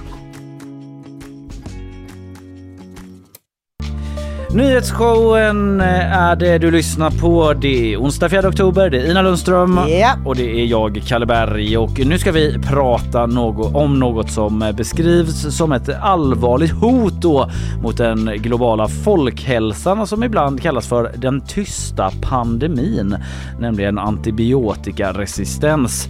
Kan det bli så illa att vi i framtiden inte kan behandla helt vanliga åkommor som halsfluss, urinvägsinfektion eller ett infekterat sår med just antibiotika? Vi ska prata om detta nu och lära oss lite mer om det hela tillsammans med en som forskar på antibiotikaresistens vid Chalmers tekniska högskola och den mannen heter Johan Bengtsson Palme. God morgon Johan! Hej Johan! Hur är eh, läget? Morgontrött, jag är Ja. ingen morgonmänniska, men annars är det bra. Du lär vakna till. Det vad spännande att du är här. Det här är en av mina stora skräckar i livet, antibiotikaresistens. Så jag hoppas att du... Eh... Då är du i alla fall lite så rationell människa. jag tycker det här är så Ja, ja, läskigt. jag, jag, jag brukar jobba mycket med ett exempel med om folk är rädda för terrorism Ah. eh, och hur många som dör i terrorism varje år. Och så går man vidare och så säger man att ja, men det är åtta gånger vanligare att du dör att din TV ramlar ner på dig än att Ah. du skulle dö i en terroristattack. Och antibiotikaresistens då är ytterligare säg, Alltså jag, 10 000 gånger vanligare att dö av redan idag. det är så läskigt, men jag menar hur, hur stort är det? Hur stor antibiotikaresistens har vi i världen idag? Ja, det är ju svårt att få jättebra siffror på det. Ehm, men man räknar med att någonstans, idag räknar man med att någonstans runt en miljon människor om året dör i antibiotikaresistens, av antibiotikaresistenta Ja, bakterier runt om i världen. Ehm, men det som, det som egentligen kanske är ännu värre är väl att man har tänk, tänker sig att om man försöker uppskatta vart det här tar vägen om vi inte kan göra något åt problemet om säg 30 år, är att då pratar vi kanske drygt 10 miljoner döda om året och då är vi uppe på ungefär samma nivåer som vi har, eller kanske högre nivåer till och med än vad vi har som dör i cancer idag. Ehm, och då börjar vi också då börjar vi också liksom nå de siffrorna där alla kommer att känna någon som har dött av antibiotikaresistenta bakterier. Mm. Vad är, ska vi bara helt grundläggande läsa, vad är antibiotikaresistens? Så det är alltså att bakterier får, får förmågan att motstå antibiotika. Så en, en ganska vanlig missuppfattning som jag vet att jag har mött till exempel på min dotters förskola, eh, är att man på något sätt själv blir antibiotikaresistent. Men det är alltså de bakterierna som blir utsatta för antibiotika som blir resistenta och det är också därför som de då kan ta med sig den resistenten till en annan person. Just det. Aha, för jag har ju ändå tyckt då, eh, eftersom att jag är väldigt, väldigt rädd för det här, så är jag väldigt, väldigt försiktig med att ta antibiotika. Det kanske är, eh, alltså jag gör det ju om jag ska göra det, men sen så om jag, men, men jag tycker att det liksom är lite läskigt om jag inte är säker på att jag ska ha det och så. Eh, Men det är alltså inte på en individnivå man blir anti- antibiotikaresistent? Nej, utan det är ju då bakterierna som Ja. blir resistenta. Och det, är- sen, sen är det klart, du kan ju bära på resisten- resistenta bakterier till exempel i, i din tarm. ehm, som, som, som du har med dig överallt. Men Men det är inte som att så här, om man har gjort jättemånga halvdassiga antibiotikakurer mot halsfluss och urinvägsinfektion som man inte riktigt har fullföljt och slarvat lite med. Då kan det utgöra en risk mer på ett folkhälsoplan än för dig som individ. Typ. det, det skulle jag nog säga. Samtidigt är det ju lite så att om du har varit dålig på att ta din antibiotika så kan du ju ha bakterier i halsen och Mm. näsan. Alltså just typ halsfluss är ju någonting som ofta orsakas av bakterier som man bär på normalt och sen plötsligt får de en, av någon anledning får de en chans att blomma ut. Mm. Eh, och där, där, kan man ju, där kan man ju då se det lite som att det är möjligt att om du har behandlat dåligt så kanske ditt immunförsvar kan ta hand om det här och få ner det till en normal nivå men de kanske fortfarande är resistenta så nästa gång du äter antibiotika det. så Mm. kanske du blir mer sjuk av dina egna bakterier. Åh, okej. Mm. Så det, det finns ju ändå en koppling också till individen men, men Ja. det är ju inte, det är ju inte du som person som blir resistent utan Nej. det är de bakterierna som du eventuellt bär på då. Men den här resistensen då som finns bland eh, vissa bakterier där ute, liksom, eh, vad beror det på? Är det att man inte kommer på tillräckligt med nya antibiotikakurer då som de har svårare att bryta igenom typ? Alltså det, är- det, är det beror ju mycket på att, att när bakterier väl har blivit resistenta så har de det kostar inte så mycket för bakterierna att vara resistenta. Man skulle kunna tänka sig att det, att det, var en, att det skulle vara jobbigt för bakterierna att vara resistenta på något sätt och att de därför skulle vilja tappa den här förmågan igen. Mm. Men i allmänhet så är det inte så jobbigt för bakterierna att vara resistenta. När de väl har blivit det så kan de fortsätta att vara det. Mm. Och det blir ju att på det sättet blir det här ett växande problem. Det, det, det är svårt att mota tillbaka resistensen när den väl har dykt upp. Men man hade kunnat undvika den tidigare om man hade gjort Ja, någonting. och någonting som jag tänker att vi skulle kunna lära oss av historien är ju att vi har använt så otroligt mycket antibiotika i djurhållning till Mm, exempel. just det. Så att det görs ju en del forskning på nya antibiotika och försöka ta fram nya substanser även om det går oerhört trögt och det finns det många anledningar till.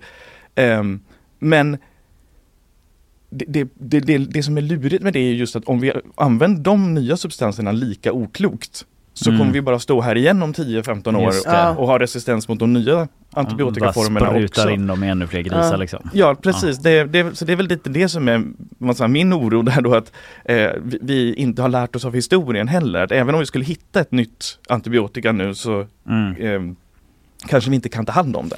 Ja, men det påminner ju väldigt mycket om eh, klimatförändringen på det sättet att man säger typ så här, ah, men vi kommer ha, eh, om vi bara kommer på en ny teknisk lösning så kommer vi inte behöva spruta ut lika mycket koldioxid. Nej men den nya tekniska lösningen kommer vi också vara tvungna att vara lite försiktiga med. Vi kanske ändå måste ändra lite vårt beteende från tidigare Mm. om det ska gå över. Och kanske att det finns en koppling till liksom, klimatfrågan också att folk inte bryr sig så jävla mycket. Du menar om antibiotikaresistensen? Ja nej, men jag tänker typ att eh, det, det är svårt att, att visualisera, det är ju inte här. Ja, det, och nu. Ja, det, på ett sätt är det ju det. Mm. Eh, Alltså vi, vi ser ju någonstans att vi har problem även i Sverige, men, men, men problemen är ju så oerhört, oerhört mycket större på andra ställen. Sverige har ju, och det här, är ju, det här är ju ett tecken på att det går att göra någonting. Sverige har ett Ah. väldigt, väldigt aktivt eh, arbete mot antibiotikaresistens, där vi har jobbat med att få ner eh, förskrivningen av antibiotika till patienter så att vi inte ska få onödiga antibiotikakurer. Eh, om vi tittar i ett europeiskt perspektiv är Sverige ett av de bästa länderna på att skriva ut lite antibiotika till Mm. patienter. Eh, och det visar sig också i den, i den statistik som finns. Ah. Att vi har också bland de lägsta nivåerna av resistenta bakterier i Europa. Och jämför man med Sydeuropa där det har använts mer antibiotika både i människor men också i djur så har man mycket högre nivåer. Så det går ju att göra någonting trots att världen är så sammankopplad och att Mm. det tar sex timmar att flyga med en resistent bakterie från Indien till Sverige. Ehm, Hur, men hur ser statistiken av dödsfall eh, kopplade till antibiotikaresistens ut i Sverige? Du pratade ju om det utifrån ett internationellt perspektiv förut. Och det har jag faktiskt inte en bra statistik på. Det, det, det är ju det, det, det, finns ju, det finns ju en del statistik som görs på resistenta infektioner men frågan är om man fångar upp allting. Ett, ett stort problem här är ju att ehm, många av de som faktiskt idag drabbas hårdast av antibiotikaresistens är ju gamla, eh, folk med andra sjukdomar, till Ja. exempel under cancerbehandling där immunförsvaret inte är lika starkt. Ehm, vi använder det för, för tidigt födda, vi använder det förebyggande opera- vid operationer. Och det, det är ju de här svaga grupperna någonstans som ehm, stryker med i resistenta infektioner Mm. idag. Och så kommer det väl också vara framöver, det är bara att det kommer bli vanligare och vanligare. Och någonstans tänker jag också att det blir en det blir kanske en, ett, ganska mycket av ett etiskt dilemma. Är det värt att Agda, 85, får göra en höftledsoperation med tanke på att då kanske hon får den här resistenta bakterien som cirkulerar på sjukhuset. Ah. Visserligen kanske hon kan få väldigt bra livskvalitet här de sista tio åren, eller så dör hon väldigt snart i den resistenta infektionen. Den här typen av etiska frågeställningar tror jag kommer bli mycket vanligare. Mm. Men det är ju kanske inte någonting som en 25-åring på gatan märker. Nej. För liksom, vi är inte nära att eh, antibiotikan vi har eh, snart inte funkar och att du kan dö av en urinvägsinfektion liksom. Ja och nej. Alltså, om, om, om man... Det, det, fin, det finns ju... Ska vi se vilken ände jag ska börja med den, packa upp den frågan. Mm. Ja, jag förstår. Men, men, men, För jag tror att det är nära, det är vad jag känner. Ja, men, nej, men för, saken är ju den att de, de, de allra flesta gånger dör man ju inte i en urin, urinvägsinfektion även om den skulle vara obehandlad. Utan Ja. Problemet är ju om den liksom går upp i, eh, alltså, går upp i njurarna Ja. eller, eller om, den, om det skulle bli en blodförgiftning Mm. av det, vilket ju kan hända. Då eh, är det ju illa och där kan man väl säga att oftast är det ju inte där i Sverige idag. Nej. Samtidigt har vi ju, vi har ju exempel internationellt på infektioner där det inte finns något antibiotika som biter. Man har försöker men det Ja, nej, men, inte. Liksom. och, det, och det, det, kan- det, de exemplen finns ju någonstans i Sverige också, att vi, inte att ingenting biter. Eh, men, men att vi, vi har situationer där det, man provar först inte biter och det man provar nummer två inte biter heller. Man kanske får prova flera stycken antibiotika. Och det spelar ju väldigt liten roll för halsfluss som Ja. oftast läker ut av sig själv. Menar, man ska väl egentligen inte ens ha antibiotika för halsfluss om det inte är riktigt illa. Ehm, så där spelar det ju inte mycket, mycket roll att det, man får prova två eller tre Nej. olika antibiotika. Nej. Det som det spelar roll är ju när det är bråttom. När du, Mm. har en, när du har en blodförgiftning, då kan det ju handla om timmar från diagnos till död. Ja. Du har inte tid att vänta på att du ska testa fyra, fem olika antibiotika. Så någonstans, även om alla bakterier inte är resistenta mot allt, så kan det vara en ganska farlig situation ändå. Men det blir ju i ganska specifika fall idag. Just det. Medan det är ju något som kan hända oftare och oftare Ja. allt eftersom resistensen ökar hos bakterier. Mm. Vad, eh, hur ser det ut då? Hur jobbar man på det här i forskningsvärlden? Vad, hur försöker man råda bot på det? Stor fråga igen liksom. Ja, ja, men- men, ja, men forskningsvärlden gör ju, alltså, det finns ju en, en mängd olika saker som försöker göras. Det jag jobbar med specifikt handlar mycket om att försöka undvika att vi har en utveckling och spridning av antibiotikaresistens. Eh, Så vi tittar mycket på var kommer resistens ifrån från början? Är det här någonting som dyker upp i djur och sen hoppar till ba- bakterier som eh, angriper människor? Är det någonting som finns i miljön naturligt? Många sådana frågor. Var kan vi hitta det? Hur kan vi hindra det? Men sen är det ju det som, om vi tittar större, det som jobbas mycket på är ju dels utveckling av nya antibiotika. Mm. Ehm, Även om där är utvecklingen mycket långsammare nu än vad den var på 40, 50, 60-talet när Ja. vi hittade nya antibiotika var och varannat år. Ehm, och, eh, men sen tittar man ju också på en del alternativa grejer. Ehm, mycket av det är ju problemet att det ligger ganska långt bort i tiden. Om vi vill ha någonting som ska funka idag så är Mm. ju inte det här behandlingsstrategier som ligger nära till hands. En intressant tanke är att titta på virus som angriper bakterier men inte människor, för det finns sådana virus. Eh, och då skulle man till exempel kunna kombinera dem med antibiotika och, och ifall inte antibiotika tar så kan det här, kanske det här viruset slår ut de sista bakterierna istället. Det, det har använts idag, det är ovanligt för det, det är sån här, jag vet inte vad det heter på svenska nu, men compassionate use. Mhm. Eh, om man har någon som, en patient där ingenting annat biter så kan man få, få ett specialtillstånd och få Ja. prova det här. Och Men- det vet man ju att det, att det kan funka. Men, men, men en, en tanke till på det, på det spåret. Det som jag tror kanske är mest lovande på kort sikt är ju att vi, vi skulle kunna vaccinera mer även mot bakteriesjukdomar. Mm. Det är ju något vi har använt mycket mot virussjukdomar, vi har använt det ganska lite mot bakterieinfektioner. Och där finns det stora möjligheter. Eh, Det finns en hel del vaccin som är sent i utveckling eller till och med existerar idag fast vi är dåliga på att använda dem. Eh, och det skulle, det skulle kunna vara ett alternativ.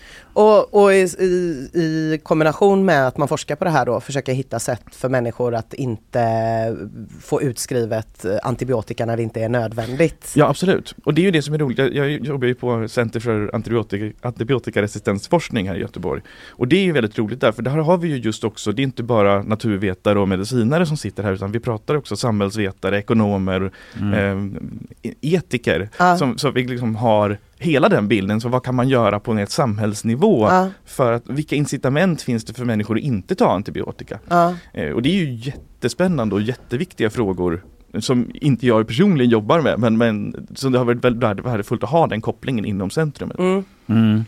Men ehm, okej, men är du, hur är din blick på framtiden då? Liksom, är du hoppfull för att man, inför att man ska kunna... Ja, alltså jag, jag, jag gillar ju inte riktigt att man, att man eh, framställer liksom den här postantibiotiska eran som pratas om som en total katastrof. För det blir ju inte riktigt en återgång, även om vi skulle tappa våra sista antibiotika, vilket jag hoppas att vi inte hamnar Ja. i den här situationen.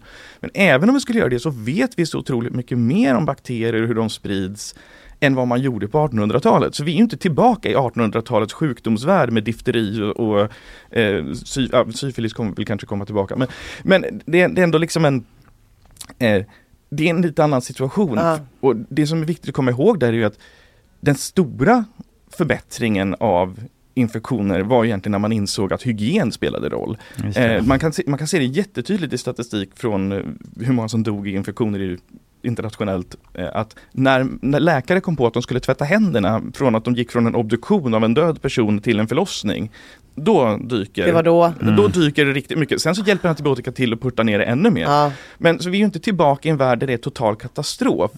Eh, Alltså på det här sättet är ju lite hoppfull. Mm. underbar, underbart att höra. Eller hur? Ja, det skulle jag inte säga fortfarande. Det, det, det, det, det, är lite, det, lite är nu, lite- det är lite Lena. som- det är- det är Jag blev lite ju så som- glad! Ja men det är lite som att säga att, eh, att så här, det är ju fantastiskt att det bara är så här många som dör i trafikolyckor varje år. För vi, vi, vi, är ändå, vi är ändå i en situation där du kommer att ha liksom tio gånger fler som dör i antibiotikaresistens än i trafikolyckor. Ja, nej, det- och det att är tråkigt. Det är, det är inte underbart att höra. Nej, men nej, det, nej. Jag men, har den här men lilla det, Jag tänker det är bilden. bra att ha en liten balans här Ja, också. Varit en bra app att det fanns en forskare som hela tiden korrigerade ens magreaktion Ja, liksom, på, på olika grejer. Ja, App, app, app, Jag hann ändå bli lite glad. Mm. Men avslutningsvis här i Nobeltider, nu eh, var det ju medicinpris här i veckan, mRNA-teknik eh, som tilldelades eh, medicinpriset där. Är det liksom en teknik som kan spela roll i detta eller? Det, det är ju, mRNA mRNA-tekniken är ju, det, det, jag- det jag framförallt känner till den här som är ju Mm. en, i en, ett sätt att, att eh, Mot virus. leverera vaccin, Ja. eller Mm. bygga och leverera vacciner. Och där, är det är ju helt fantastiskt. Som jag sa alldeles nyss, det här tror jag är ett av de främsta verktygen som vi kommer ha mot, resisten, mot bakterier generellt, Ja. men också mot resistenta bakterier. Eh, Sen är det kan jag väl också tycka att det är lite så här, man kan, man kan inte lägga alla äggen i samma korg här heller utan Nej. vi måste jobba på nya antibiotika. Jag tror det är jätteviktigt att ha den här typen av forskning på var kommer resistens ifrån? Hur kan vi förebygga utveckling av resistens i framtiden? Och då inte bara ha det här sjukhus och patientperspektivet utan titta också på vad gör det med att vi använder antibiotika i djur? Hur, vad är miljöns roll i det här? Är det en spridningsväg och så vidare. Eh, Men jag tror absolut, hoppa tillbaka till Nobelpriset Mm. igen. Jag tror absolut att mRNA-tekniken kommer vara viktig här i, för att utveckla effektiva vacciner även mot bakteriesjukdomar. Eh, sen om det finns någon ytterligare någon teknik på när det gäller liksom hur mRNA kan användas som ett antibiotika eller så. Det, där, det, det, det får någon smart person Ja. som är liksom Mm. framtidens Nobelpristagare komma på. Jag, det. det. är inte jag tillräckligt smart för att komma på. Ja. Eller så bara åker vi till Mars allihopa och börjar om liksom om, om några år. I Elon Musks nya Ja. Mars, Marskoloni Åh, utan antibiotikaresistenta bakterier. Ska han med då vill jag inte vara med. Nej, Men Johan Bengtsson Palme kanske får följa med som en expert ombord. det låter bra. Liksom. Ja, för det heter du som vi har pratat med eh, forskare om antibiotikaresistent vid Chalmers tekniska högskola. då. Tusen tack eh, Johan för att Tack du kom hit och pratade med oss. Det var Tack väldigt själva. intressant.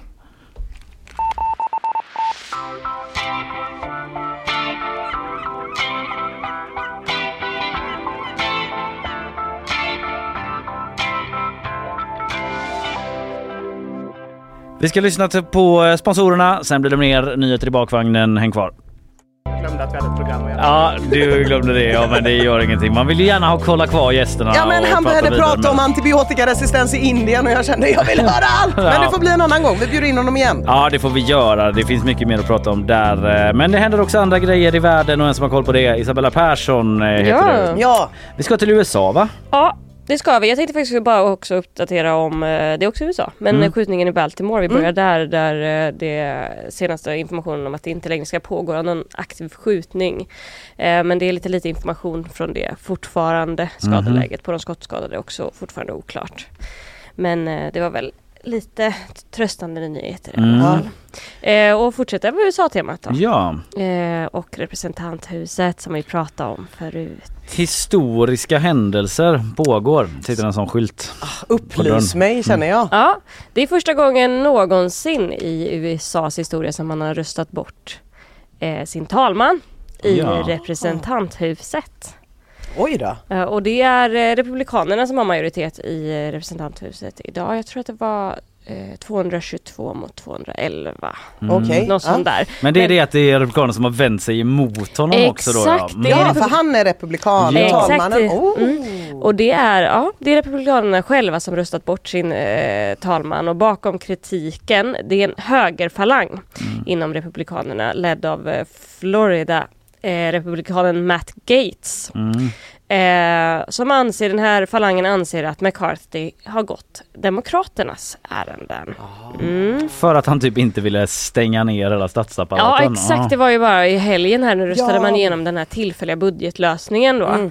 Det var liksom bakgrunden till hela den här bortröstningen av McCarthy. Att han eh, såg till att lösa Ja, men var en sån budget. knäpp grej där för att om budgeten inte röstas igenom så bara, "Ja, nej men då, då Stänger vi det. Då stänger vi ner. Stänger då vi ner går hela inte folk till jobbet. Nej. Nej, nej men det blir liksom... Då är det government shutdown. Ja. Liksom. Så eh, McCarthy löste en budget Mm. men fick då lämna sin eh, eh, plats. Och han ska inte ställa upp för någon sorts omval Nej, var det väl nu också Han då? säger nej. Han har Eh, fått nog. Ja, han sa själv så. Jag är stolt över det jag har gjort och nu Ja. lämnar jag. Det kan man ju fatta. Att man inte Ja, vill gå står för det. tillbaka. Eh, om man har. Men eh, eh, det som kanske är lite surt också då för att republikanerna, eller hade jag kanske tyckt då. Mm. Republikanerna, de här, den här falangen tyckte att han har gått, sprungit Demokraternas ärenden. Men Demokraterna röstade ju också bort honom. Jaha. Det var ju tillsammans med majoriteten blev ju tillsammans med den här högerfalangen Ja, och Demokraterna. För det var det jag tänkte på Jaha, där när jag... Vad taskigt! Liksom någon från Demokraterna kanske hade kunnat liksom throw him a rope typ och bara, ja du och du gör... hjälpte ju ändå så att vi fick igenom en budget. Ja. Vi fick ge bort, ta bort det här med stödet till Ukraina eller vad det Ja. var. Men, Men ja, det är väl an, annat gammalt groll där också Ja, som gör ja, att de inte gillar honom så Såklart. mycket tror jag. Mm. Ja. Stackarn. Ja, Ja. väldigt spännande att se vad som händer framåt där. är, då. men Ja, vi får väl se. Han har det nog okej tror jag. Men det är ju eh, delvis diskuterar man ju mycket vad som händer med eh, stödet till Ukraina nu. Mm. Det kan bli eh, påverkas. Jaha, Den här ja. falangen eh, tycker, eh, ja men har bland bland annat vill se mer en stram statsbudget med rejäla nedskärningar till Ukraina, Ukrainas stöd. Så det har varit en liksom del av deras kritik. Eh, intressant. så där kan det hända en del. Mm. Och sen så eh, det, Medan väl, politiskt. demokrat, mm, Mm. väl Demokraterna vill ha stödet till Ukraina Exakt, så exakt. de röstade bort honom. Ja, just det. Ja, det, är, det är väldigt rörigt och eftersom det aldrig har hänt tidigare så vet man inte riktigt Nej. vad händer nu. Nej. Eh, så, eh, detta då, får vi följa. ja, det är en person som utsätts till tillfällig talman som ska Mm. jobba för att få dit en ny då. Men hur lång tid det tar? Jag tror att det tog typ 15 omröstningar innan McCarthy fick sitta från Just början. det, det var också det I samband ja. med att han Det röstade, alltså när det var Så val de då. växer inte på träd. Nej, det är Nej. jäkligt Inte rörigt. som de tillfälliga talmannen. Tillfällig talman. Det är någon sån. Jag kan ringa och bara få en sån. Så äh, stökigt. Stökigt. Mm. Tack ska du ha Isabella. Det Tack. var mycket intressant. Vi går vidare.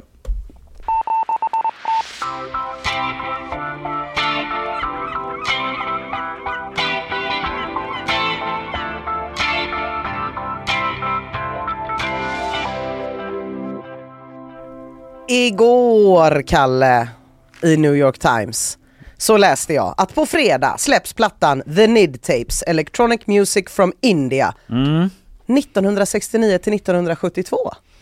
Ja. Alltså det är det som är det spännande här. Det här är ju en platta som har tagit ganska lång tid in the making Ja. får man säga.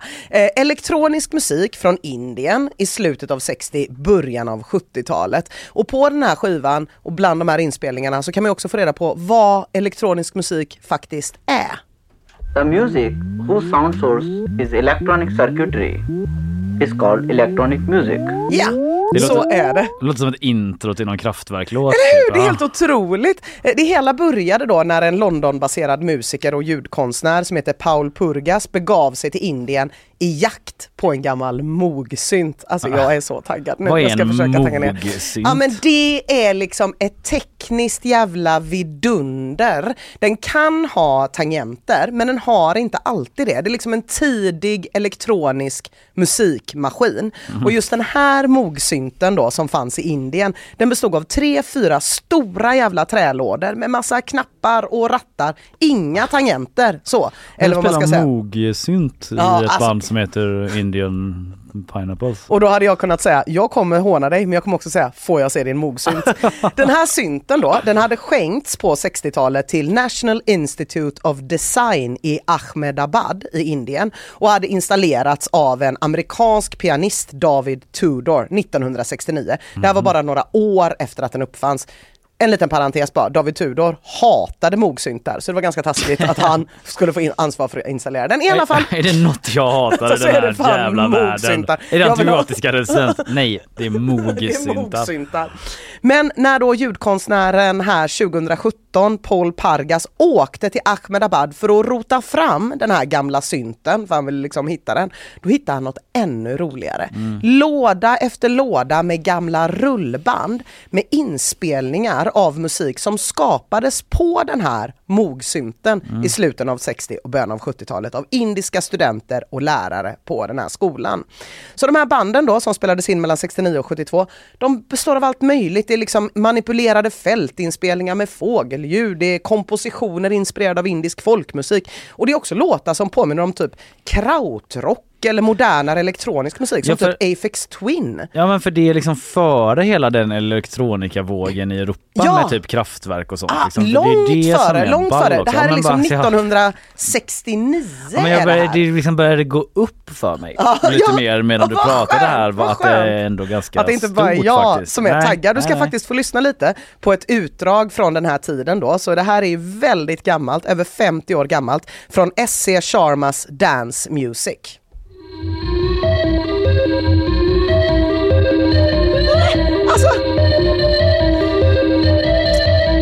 Jag- Jag känner liksom, det där hade kunnat funka på ett dansgolv idag. Alltså det är ju säkert många killar som kommer tycka det här är bra. Och jag lyssnar är en fan del med på- dem! Ja. Purgas tar med sig de här rullbanden då hem till London. Han har lärt sig hur man restaurerar dem. Han har gjort en dokumentär om det som släpptes 2020, BBC-dokumentären Electronic India. Den handlar om hans arbete med banden. Man kan lyssna på den. Den ligger uppe på BBCs webbsajt. Och nu är banden färdigrenoverade. Materialet sammanställt. På fredag släpps skivan. Wow. På Bandcamp och för oss killar på vinyl.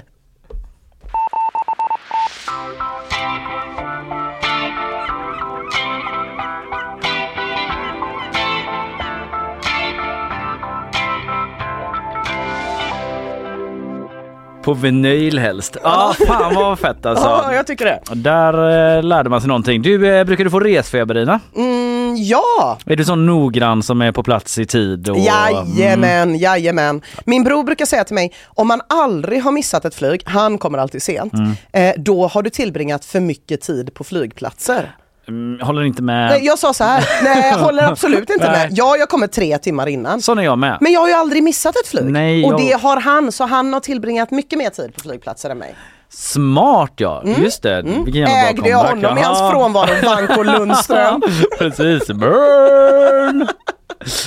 From Nej, afar, du, eh, burn from afar. From a very, very, very, very far. Han har nyförlöst barn och bor i Stockholm. Lyssna inte på det här. Lyssna inte på det här. Nej, men Kalle, Kalle, du har ju också utstrålningen av att komma till Landvetter tre timmar tidigt. Självklart, För att man självklart. kanske vill köpa en bok på Pocket Shop. Ja, jag är det här. Man vill sitta och vibea in men man vill framförallt inte missa flyget. Nej, och man kollar alltid, finns gaten? Ja, men jag är som på tåg, alltså inte tre timmar men eh, alltså lite en kvart, tjugo Ja, liksom. Så här, herregud, i minsta fall. Mm.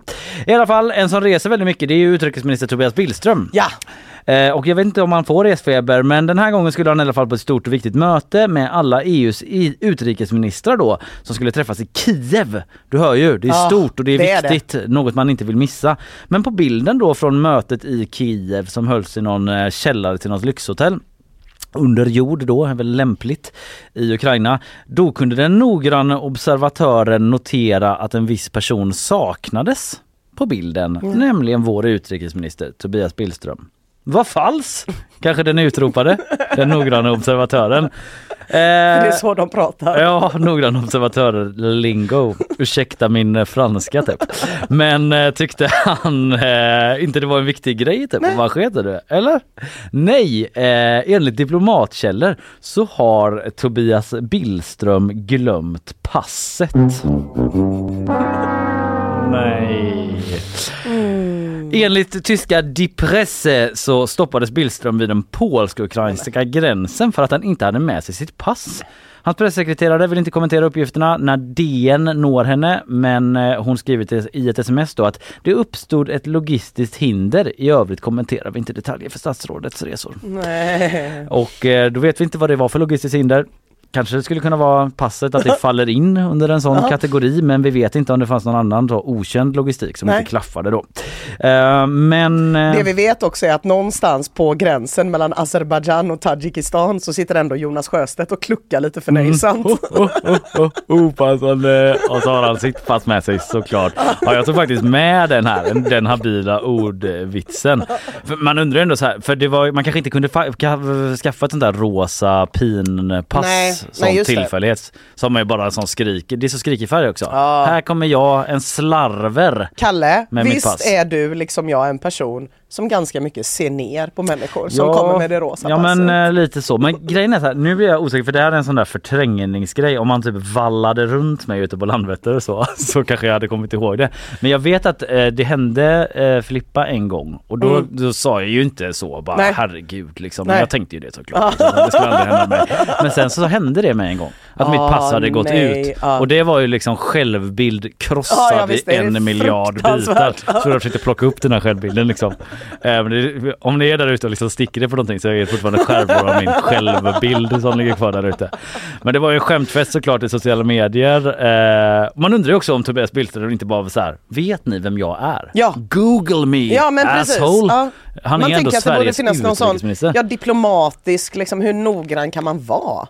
Ja, men lite Eller så. typ att diplomater, det känns som att de behöver ju inte pass. Så varför ska Tobias Billström behöva en? Abs- Ja. obs, absolut ingen aning, det kanske de visst Mm, behöver. Det kanske de visst behöver men det känns som att den typen av frågor växer ju liksom. Ja. Eh, Det var många som skämtade. Vi har redan hört Jonas eh, Sjöstedts ordvits att Mm. det var opassande då. Eh, Någon annan skrev att ja den här gången gick han i alla fall inte över gränsen. Nej. Mm. Billström då. Någon annan frågade. Som är så känd för att gå över. Ja nej men det var väl bara liksom skohorna Okej förlåt, in varför ska jag, varför ska gränsgrejen. jag? Vem är jag, skämtpolisen eller? Nej.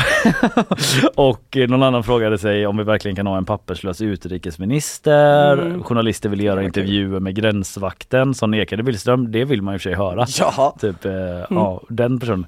And- Anders Lindberg på Aftonbladet så här, tycker de borde släppt in Billström ändå utan pass. Mitt Europa bygger inga murar. Ja. Han passar på att ta en liten stab och Burn jab from också. afar, burn from afar, burn from afar, burn from afar, burn from afar, burn from afar.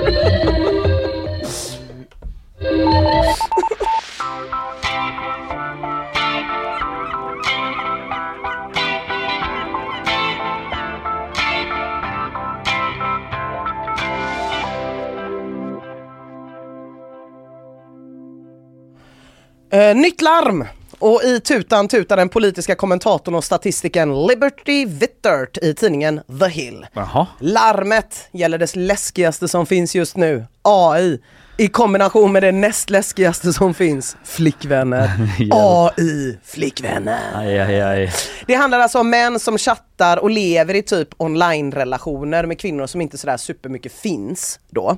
eh, och eh, man träffas till exempel på en sajt som heter cupid.ai, det finns flera sajter. Och så betalar man pengar och så får man en snygg tjej som skriver snälla saker till en som inte nödvändigtvis finns då. Nej, vare sig den här det är som personen. den här filmen Her. Det är som filmen Her. Fast är det. med bild till också då. Exakt, Mm. ja det är precis som filmen Her. Men anledningen att Liberty Vittert larmar om det här är för att det är så jävla många män som är ensamma, skriver Mm, hon. mm. En femtedel av alla män, och det här är från USA då, saknar en nära vän. Och den siffran menar hon har fyrdubblats bara de senaste åren. Mhm. Eh, och i den här ensamheten då så uppstår ju flera olika problem. Hon säger också att 60% av unga män är singlar, men att bara 30% av unga kvinnor är singlar för att trycka på problemet. Och jag vet inte om jag är heteronormativ, men jag kan inte riktigt få ihop den siffran i mitt huvud. Mm, Nej, det är en explosionsartad ökning av lesbiska kvinnor. Typ. Ja, eller väldigt Eller som många tjejer som tror att de är ihop med en kille. Ja, att det är ett par där tjejen säger absolut jag har en relation och killen säger nej nej nej jag är singel. Eller jag fattar inte riktigt hur det går ihop men de menar då att det är därför det här är ett sånt stort problem för män. Och det föds 600 000 färre barn i USA jämfört med för 15 år sedan. Vem ska betala skatt om alla de här ensamma männen bara har AI-flickvänner? Ja. Det kan låta som ett skämt säger hon, det kommer få allvarliga konsekvenser för amerikansk Mm. ekonomi. Jag vet inte, ja, jag tycker det verkar lite konstigt och dessutom så tänker jag också så här, vanliga kött och blodtjejer kanske får jättemycket tid över. Mm. Om de inte behöver hålla på och skicka gulliga sms till sina killar. Mm, så att då kanske typ, man kanske kan tänka sig en polygam typ av relation. Jag tycker att hon är lite väl dyster här där hon säger att det här kommer bara leda till ond bråd nedgång i ekonomin. Skulle man inte kunna tänka sig att man är ihop med en kille och så får man bara det goa och så får liksom AI-tjejen allt det tråkiga. Ja just det, att eh, det funkar så ja. Ja. Då skulle liksom, vadå, men AI-tjejen är ju så... Ohjälpsam. Ja, Hon ohjälpsam. kan inte hämta ska- på dagis och sånt. Men hon kanske kan ta hand om den emotionella biten. Liksom så här, ja, hur gick det på jobbet idag? Eh, Känner du dig bekräftad? Behöver just du det. höra att du var duktig? det. Kanske hon kan ta hela det emotional, emotional workload. Kanske. Det förutsätter ju att man inte vill ha typ ett starkt emotionellt band till sin Ja, partner. nej, det då. finns några flaws i min teori Ja. också. Jag kanske ändå får ge henne rätt här, Ja. forskaren, att det skulle kunna bli ett problem. Ja.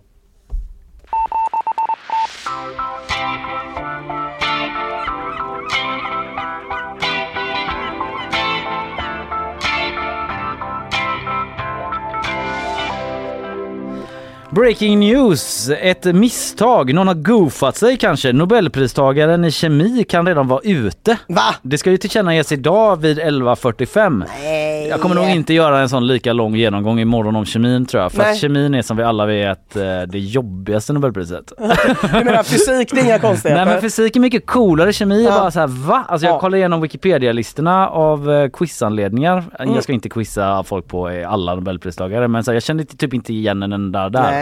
Fysikerna är ändå lite sådana Heisenberg, Ja. Einstein, Ja, just den, det. de klassiska bo- Boring. Ja, de är, Bohr, de är de karismatiska vetenskapsmännen på naturvetenskapliga institutionen. så är det helt Marie klart. Curie typ. Ja. Men eh, ja, nu är det i alla fall så här. Vi har inte fattat något beslut än så det kan inte vara rätt säger Heiner Linke, Nobelkommittén för kemi tidigt på morgonen. Varför säger han det då? Jo, för vid halv åtta skickades det ut ett pressmeddelande om årets pristagare med avsändare Vetenskapsakademin. Nej. Jo, jag läste från gp.se att eh, redan klockan halv åtta då så kom det här meddelandet, ett mejl som ser ut att komma från Kungliga Vetenskapsakademins mediemail då och där står det vem som får priset i eh, kemi. Och eh, när vi på GP får tag på Heiner Linke då från akademin så säger han eh, Jag har förstått att det är något som har skickats ut men vi har inte fattat något beslut än så det kan inte vara rätt som sagt och eh, pressansvarig Eva Nevelius för Vetenskapsakademin säger vi kan inte kommentera det som gått ut. Men eh, jag kan säga att eh, Vetenskapsakademin har inte sammanträtt och det finns inget beslut. Bara har de inte bestämt Nej men det är klart de har, det säger de ju Ja. bara för att, det är ju jättekonstigt så här. klockan är ni, halv nio, det är klockan elva, nej Ja. vi känner på det ett tag till. Det kanske är någon som kommer på en skitfet kemisk pryl här de kommande tre timmarna. Ja precis som att man Nej. fortfarande kan liksom skicka det in är sitt uppenbart bidrag. någon som har gjort bort sig på jobbet och sen så är det här bara något sätt att liksom rädda upp Ja, det hela. Vi, vi- får väl se vad, det, vad, som händer vid elva, jag prove me gärna wrong. Vi får Men, eh, kolla vad som hänt säger hon i alla fall. Det Ja. officiella beskedet kommer 11.45 då eh, och eh, precis. Det står inte här i artikeln eh, vem den här eh, är då som Nej. gått ut i det här pressmeddelandet. Ja, så vi sitter som på nålar Ja. 11.45.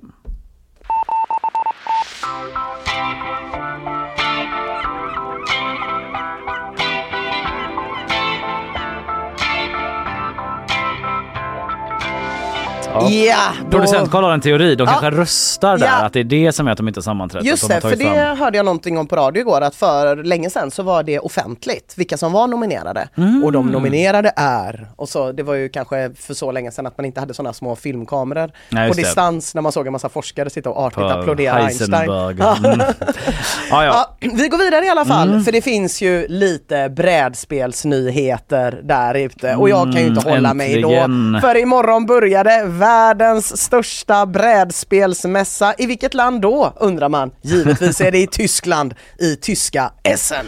Det är 40-årsjubileum i år och mässan är the brädspels event of the year. Brädspelen vill jag ju säga är på frammarsch. De har varit det ett jävla tag egentligen sedan 94 när de moderna brädspelen gjorde entré, spottade undan monopol och massa sån gammal skit. Då kom nämligen Catan eller Settlers och då börjar den nya eran. Det är ju mitt spel of choice alltså. Ja det är inte Mm. dumt, det Nej. är inte dumt. Alltså bara det, när, när det kom Catan så insåg man ju så här, vänta lite nu.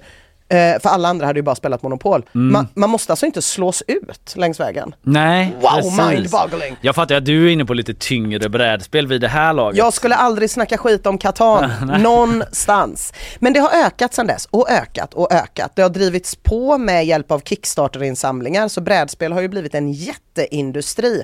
Pandemin hjälpte också till och nu är det fan stort. Mm. Och spel handlar inte bara om rymdmonster eller om att odla vete längre. Nej.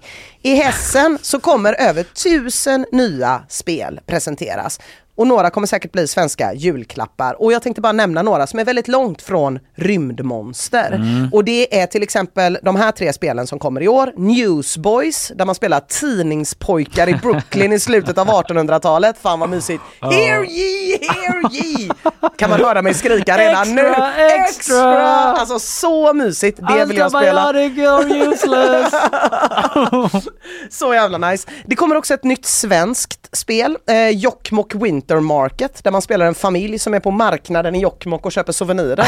Det har, det har också en nerv, men jag vet inte riktigt vilket. Men jag kommer Vet du absolut vad det testa här det. luktar? Det Nej. luktar quizronden Är det ett riktigt brädspel? Ja. Du får gärna hjälpa mig med det sen och eh, Absolut. säg inget till eh, Fanny. Det ska jag absolut inte göra. Eh, och då är det också det här då spelet som kommer släppas nu i helgen, Gay Sauna The Board Game. Mhm. Där man tävlar mot varandra i vem som kan förföra flest män i en bastu. Alla de här spelen och mycket mer presenteras alltså med start imorgon och hela helgen på världens största brädspelsmässa där runt 150 000 besökare väntas. Däribland jag Ja. och stora delar av GPs nyhetsredaktion. Och jag har ju Fast tjatat helt privat. Typ. He- Ja, precis. Och jag, men jag har ändå tjatat på er i veckor om att jag snälla kan få göra en live-rapport i bakvagnen på fredag. Självklart. Från mässgolvet i SN. Breaking! Ja, det kan vi nästan utlova här och nu att eh, detta får vi till. Så lyssna på fredag så är det live från Essen. Ina Lundström.